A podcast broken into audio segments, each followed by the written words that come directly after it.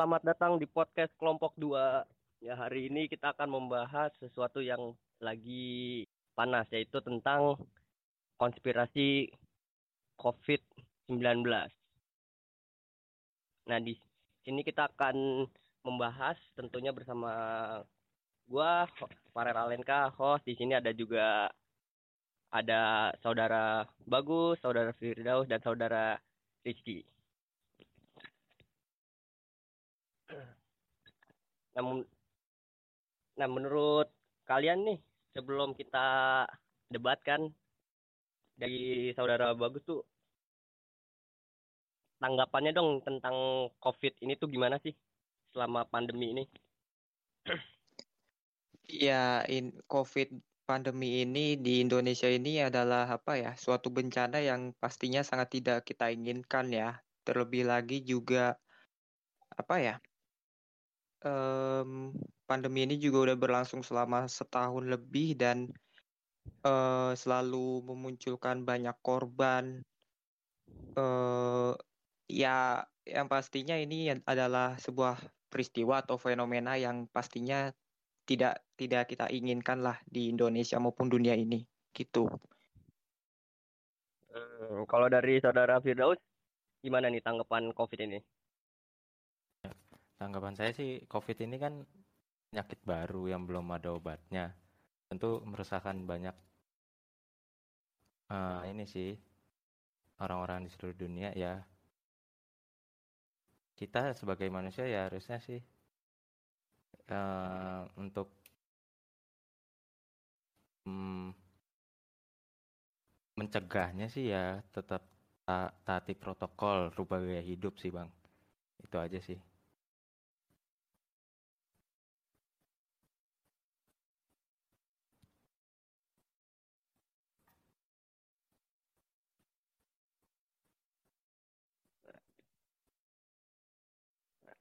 Oke, udah bang. Udah udah. Udah. Oke, kalau nah dari bang Rizky nih, gimana sih tanggapan COVID dari abang selama pandemi kan? Baik, uh, begini kalau menurut gue untuk pandangan gue terkait pandemi ini sudah cukup lelah ya. Sudah hmm. dua tahun juga kita pakai masker, udah pengap juga rasanya kayak pengen lepas dari virus ini gitu. Jadi sebenarnya saya ini agak kurang percaya dan tidak percaya terkait virus ini ada apa enggak gitu. Jadi ya karena pemerintah menyarankan untuk pakai masker ya udah ikutin aja lah gitu.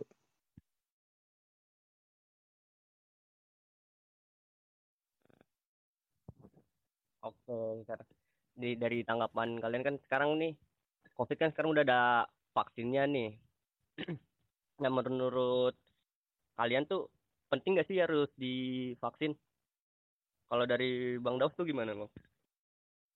Uh, kan vaksinisasi itu kan tujuannya itu membuat sistem kekebalan tubuh seseorang untuk mampu mengenali dan dengan cepat melawan bakteri atau virus penyebab infeksi. Tujuannya vaksin itu kan uh, untuk pemberi untuk menurunnya angka kesakitan yang dialami jika terpapar dan angka kematian dari virus COVID ini sih. Hmm, jadi emang penting ya untuk divaksin ya? Penting bang. Karena pemberian vaksin ini kan merupakan solusi yang dianggap paling tepat untuk mengurangi jumlah kasus infeksi dari COVID-19 ini. Tapi abang percaya bang kalau vaksin itu apa konspirasi dari WHO kalau kita vaksin tuh terus dimasukin chip?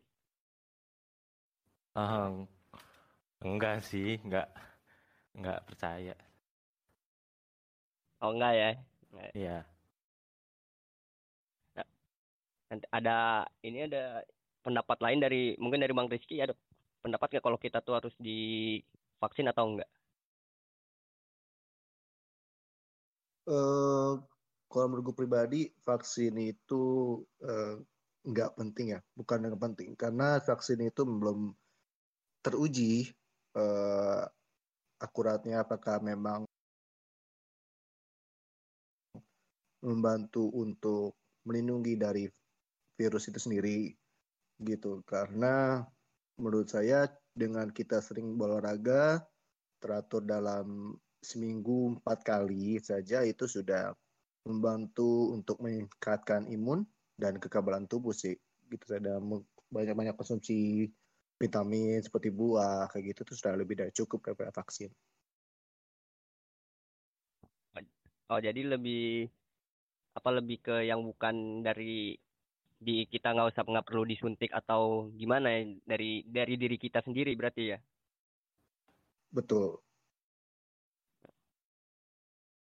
nah, coba uang bagus tanggapannya gimana tuh? Tentang vaksin. Apakah kita perlu divaksin? Um, begini ya uh, soal vaksin uh, soal tadi tanggapan dari bang Firdaus soal vaksin yang meningkatkan kekebalan imun kita dan segala macam itu sebenarnya adalah hal yang benar.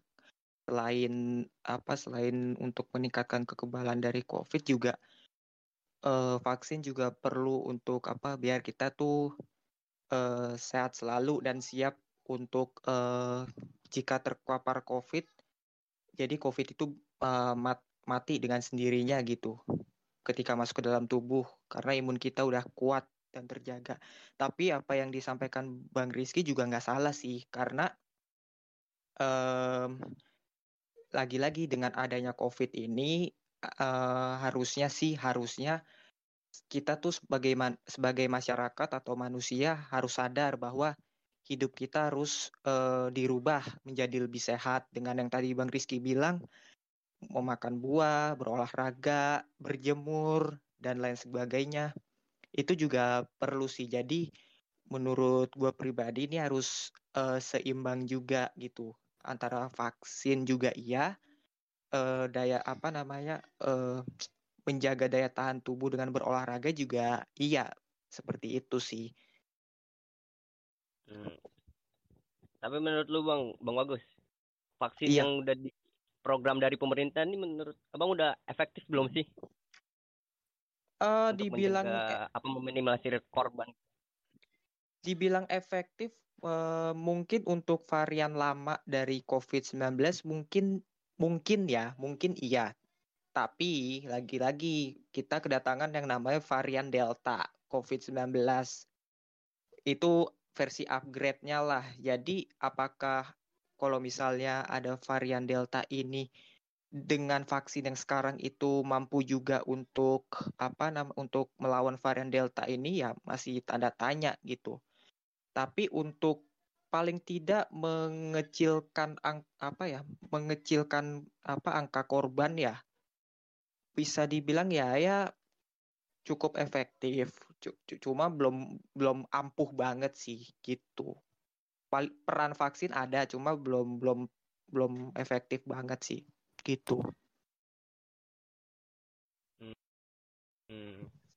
Kalau dari pengalaman pribadi gue sih kalau vaksin ini sebenarnya dibilang efektif cuman habis vaksin harusnya harusnya istirahat total dulu karena justru habis vaksin itu rentan karena kan imun kita kasarnya tuh di, dihilangin buat diganti imun yang baru. Ini sepengalaman pengalaman gue dan sepengetahuan gue mungkin dari bang Firdaus gimana sih vaksin tuh uh, pertama tadi ya kalau dari nanggepin dari bang bagus buat varian delta yang baru ini kita setahu saya sih uh, delta ini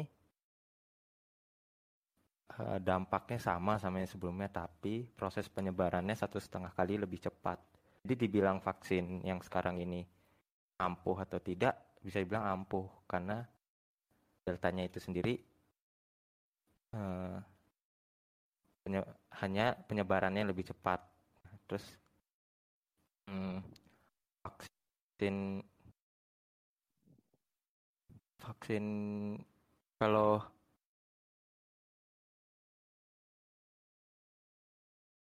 hmm. Jadi di penerap di penularan ya bang ya. Nah yeah. kalau dari nah bang Rizky. Uh, bagi gua gimana gue juga gak setuju sih dengan perkataan dari uh, Bang Firdaus ya terkait uh, penyebaran virus Delta ini memang cepat. Tapi untuk terkait uh, perlindungan diri dari vaksin itu saya kurang-kurang setuju karena tidak menjamin vaksin itu bisa melindungi imun kita, kebadan tubuh kita. Karena saya punya uh, kenal dengan teman saya, teman kantor saya itu ada beberapa orang yang habis divaksin sehari setelah divaksin dia malah terdam terpapar COVID begitu. Dan itu tidak sekali tidak satu orang dua orang ya tapi bisa tiga orang. Bahkan hari ini teman saya kemarin baru divaksin hari ini terpapar COVID. Dan sekarang dia sedang merasakan demam, pusing, ya hingga tenggorokan yang perih begitu. Makanya kenapa saya makin yakin kalau vaksin itu tidak berdampak apa-apa terkait virus COVID ini. Begitu. Itu berarti sepengalaman dengan dengan saudara saya sendiri sih karena saya saudara saya adik saya juga gitu bang habis vaksin langsung besokannya langsung demam terus kena kena covid sih. Nah iya betul. Jadi ya itu loh. Maksudnya memang kan kata orang untuk uh, vaksin ini emang ada uh, efeknya yaitu demam. Tapi ya maksudnya untuk demam ya oke. Okay. memang kan semua obat ada efeknya. Tapi kalau misalnya terpapar covid itu sangat ya nggak ada gunanya itu kalau vaksin itu disuntikin ke tubuh kita. Tapi kalau soal konspirasi ada chips di ke tubuh kita, saya masih nggak masuk akal sih. Saya lebih lebih yakin kalau vaksin itu nggak nggak guna aja gitu aja. Lebih ke logika berarti bang ya ke efek samping ya bukan konspirasi dari WHO gitu kan? Betul betul bukan karena konspirasinya ya setuju juga sih sebenarnya. Karena kan ada yang baru kok nggak salah vaksin HIV aja udah mau muncul ya. Itu perlu perjalanan berapa tahun itu? Sedangkan COVID sekarang berapa bulan udah ada vaksinnya gitu. Itu juga belum tentu apa belum tentu efektif kan. Betul betul. Karena butuh waktu yang panjang kan dan butuh waktu mungkin bisa lima tahun mungkin minimal untuk bisa diuji coba vaksin tersebut. Ini kan terkesan buru-buru agar masyarakatnya tidak panik terhadap covid-covid ini. Itu aja sih.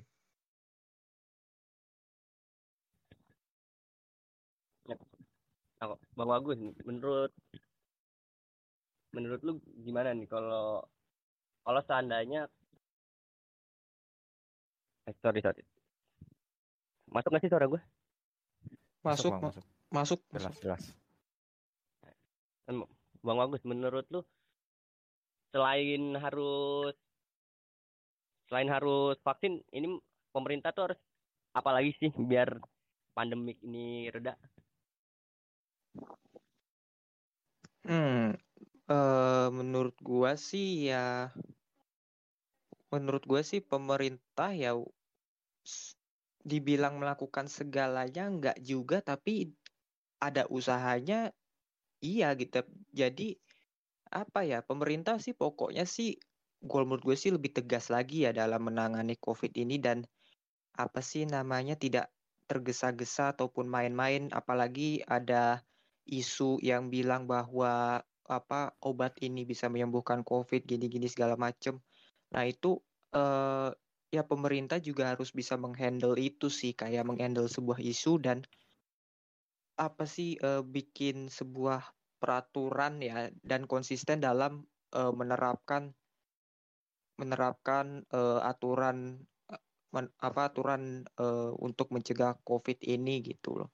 Sebenarnya juga kembali lagi ke masyarakat sih. Masyarakat juga perlu apa sih namanya uh, perlu menat mentaati prokes dengan pakai masker, apalagi sekarang udah ada yang pakai double masker, cuci tangan, jaga kebersihan, jaga jarak dan segala macam. Ya, jadi nggak hanya pemerintah yang turut ambil peran sih, tapi dari masyarakatnya itu sendiri. Ya, lagi-lagi dari kesadaran masing-masing sih, gitu. Kalau menurut gua. Iya. Nah, Bang dari Bang Daus nih, ada sesuatu yang ingin disampaikan nggak untuk masyarakat kalau ingin vaksin harus harus gimana? Atau sebelum vaksin apa katanya harus istirahat dulu kan? Tapi sebelumnya abang udah vaksin bang? Besok bang vaksin.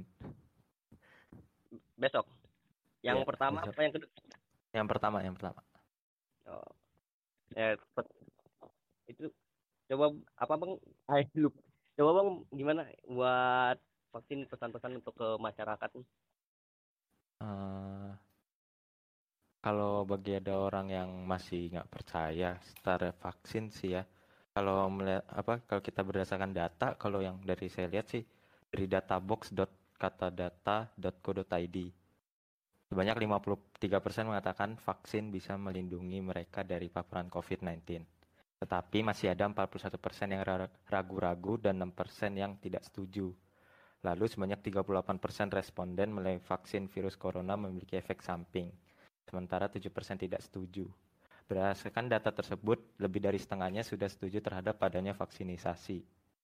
Meskipun tidak 100% bisa melindungi, tapi vaksin ini dapat kemungkinan dapat memperkecil kemungkinan terjadinya gejala yang berat dan komplikasi akibat COVID-19. Terus untuk hmm, kita yang belum vaksin sih, kalau setahu saya sih istirahat yang cukup karena darah, gula darah itu dicek. Terus COVID-19 itu juga penyebarannya setahu saya lewat gula darah. Jika gula darah kita tinggi, COVID itu cepat nyebarnya. ya kalau bang Rizky ini pesan-pesan untuk masyarakat nih untuk menghadapin pandemik Ya, Bang, pesan gue sih, eh sorry sebenarnya gue pengen nanggepin sedikit ter- terkait soal Bang Firdaus ya. Eh 53% orang percaya tervaksin. Mungkin 23% ini kali Bang terpaksa kali Bang untuk divaksin karena masyarakat-masyarakatnya sudah gerah kayak pengen cepat-cepat selesai aja gitu. Yaudahlah, vaksin vaksin deh gitu. Mungkin Ya. ya Bang ya gitu. Ya, Di 30% ini memang percaya gitu. Ya pesan saya terhadap eh, COVID ini kadang kepada masyarakat tetap jaga jarak. Eh, kalau memang pemerintah men- menyarankan untuk eh, memakai masker double, pakailah masker yang double. Begitu. Kalau bisa aman sih pakai K95 aja, terus tetap cuci tangan, jaga jarak dan hindari kerumunan itu saja sih. Cukup. Ah, satu lagi yang saya bilang tadi olahraga yang rajin.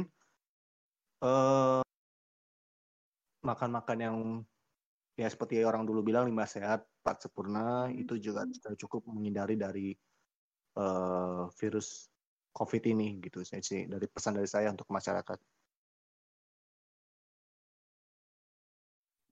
Oke, jadi intinya buat kalian semua ya mau vaksin nggak divaksin itu pilihan kalian. Tapi kalau dari saya kita ikutin aja apa yang di yang dibilang sama pemerintah. Yang penting kita tetap jaga kesehatan, jaga ikutin protokolnya, tetap pakai masker. Karena yang penting kan ngejaga diri kita sendiri dan ngejaga keluarga kita. ya betul. Nah, Nah, udah ini udah udah waktunya kita berpisah. Makasih buat teman-teman yang udah isi materi di podcast kita. Yo, yo, thank you. Ya, Iya sama-sama Bang. Makasih Ini kita ini semuanya. ya episode pertama dan terakhir kayaknya ya Bang ya. Iya. Iya, sayang banget. Ya udahlah. ter- Terima kasih yang udah dengerin juga. Ya kita, kalau ada season 2 ya kita mungkin kita bikin kali ya season 2. Ai. Boleh sih. Boleh, boleh, boleh, boleh. Fine aja. Terbitin lah. Ya buat pendengar teman-teman semua dari kami dari kelompok editing kelompok 2. Terima kasih dan bye-bye semuanya. Sampai jumpa teman-teman. Yo.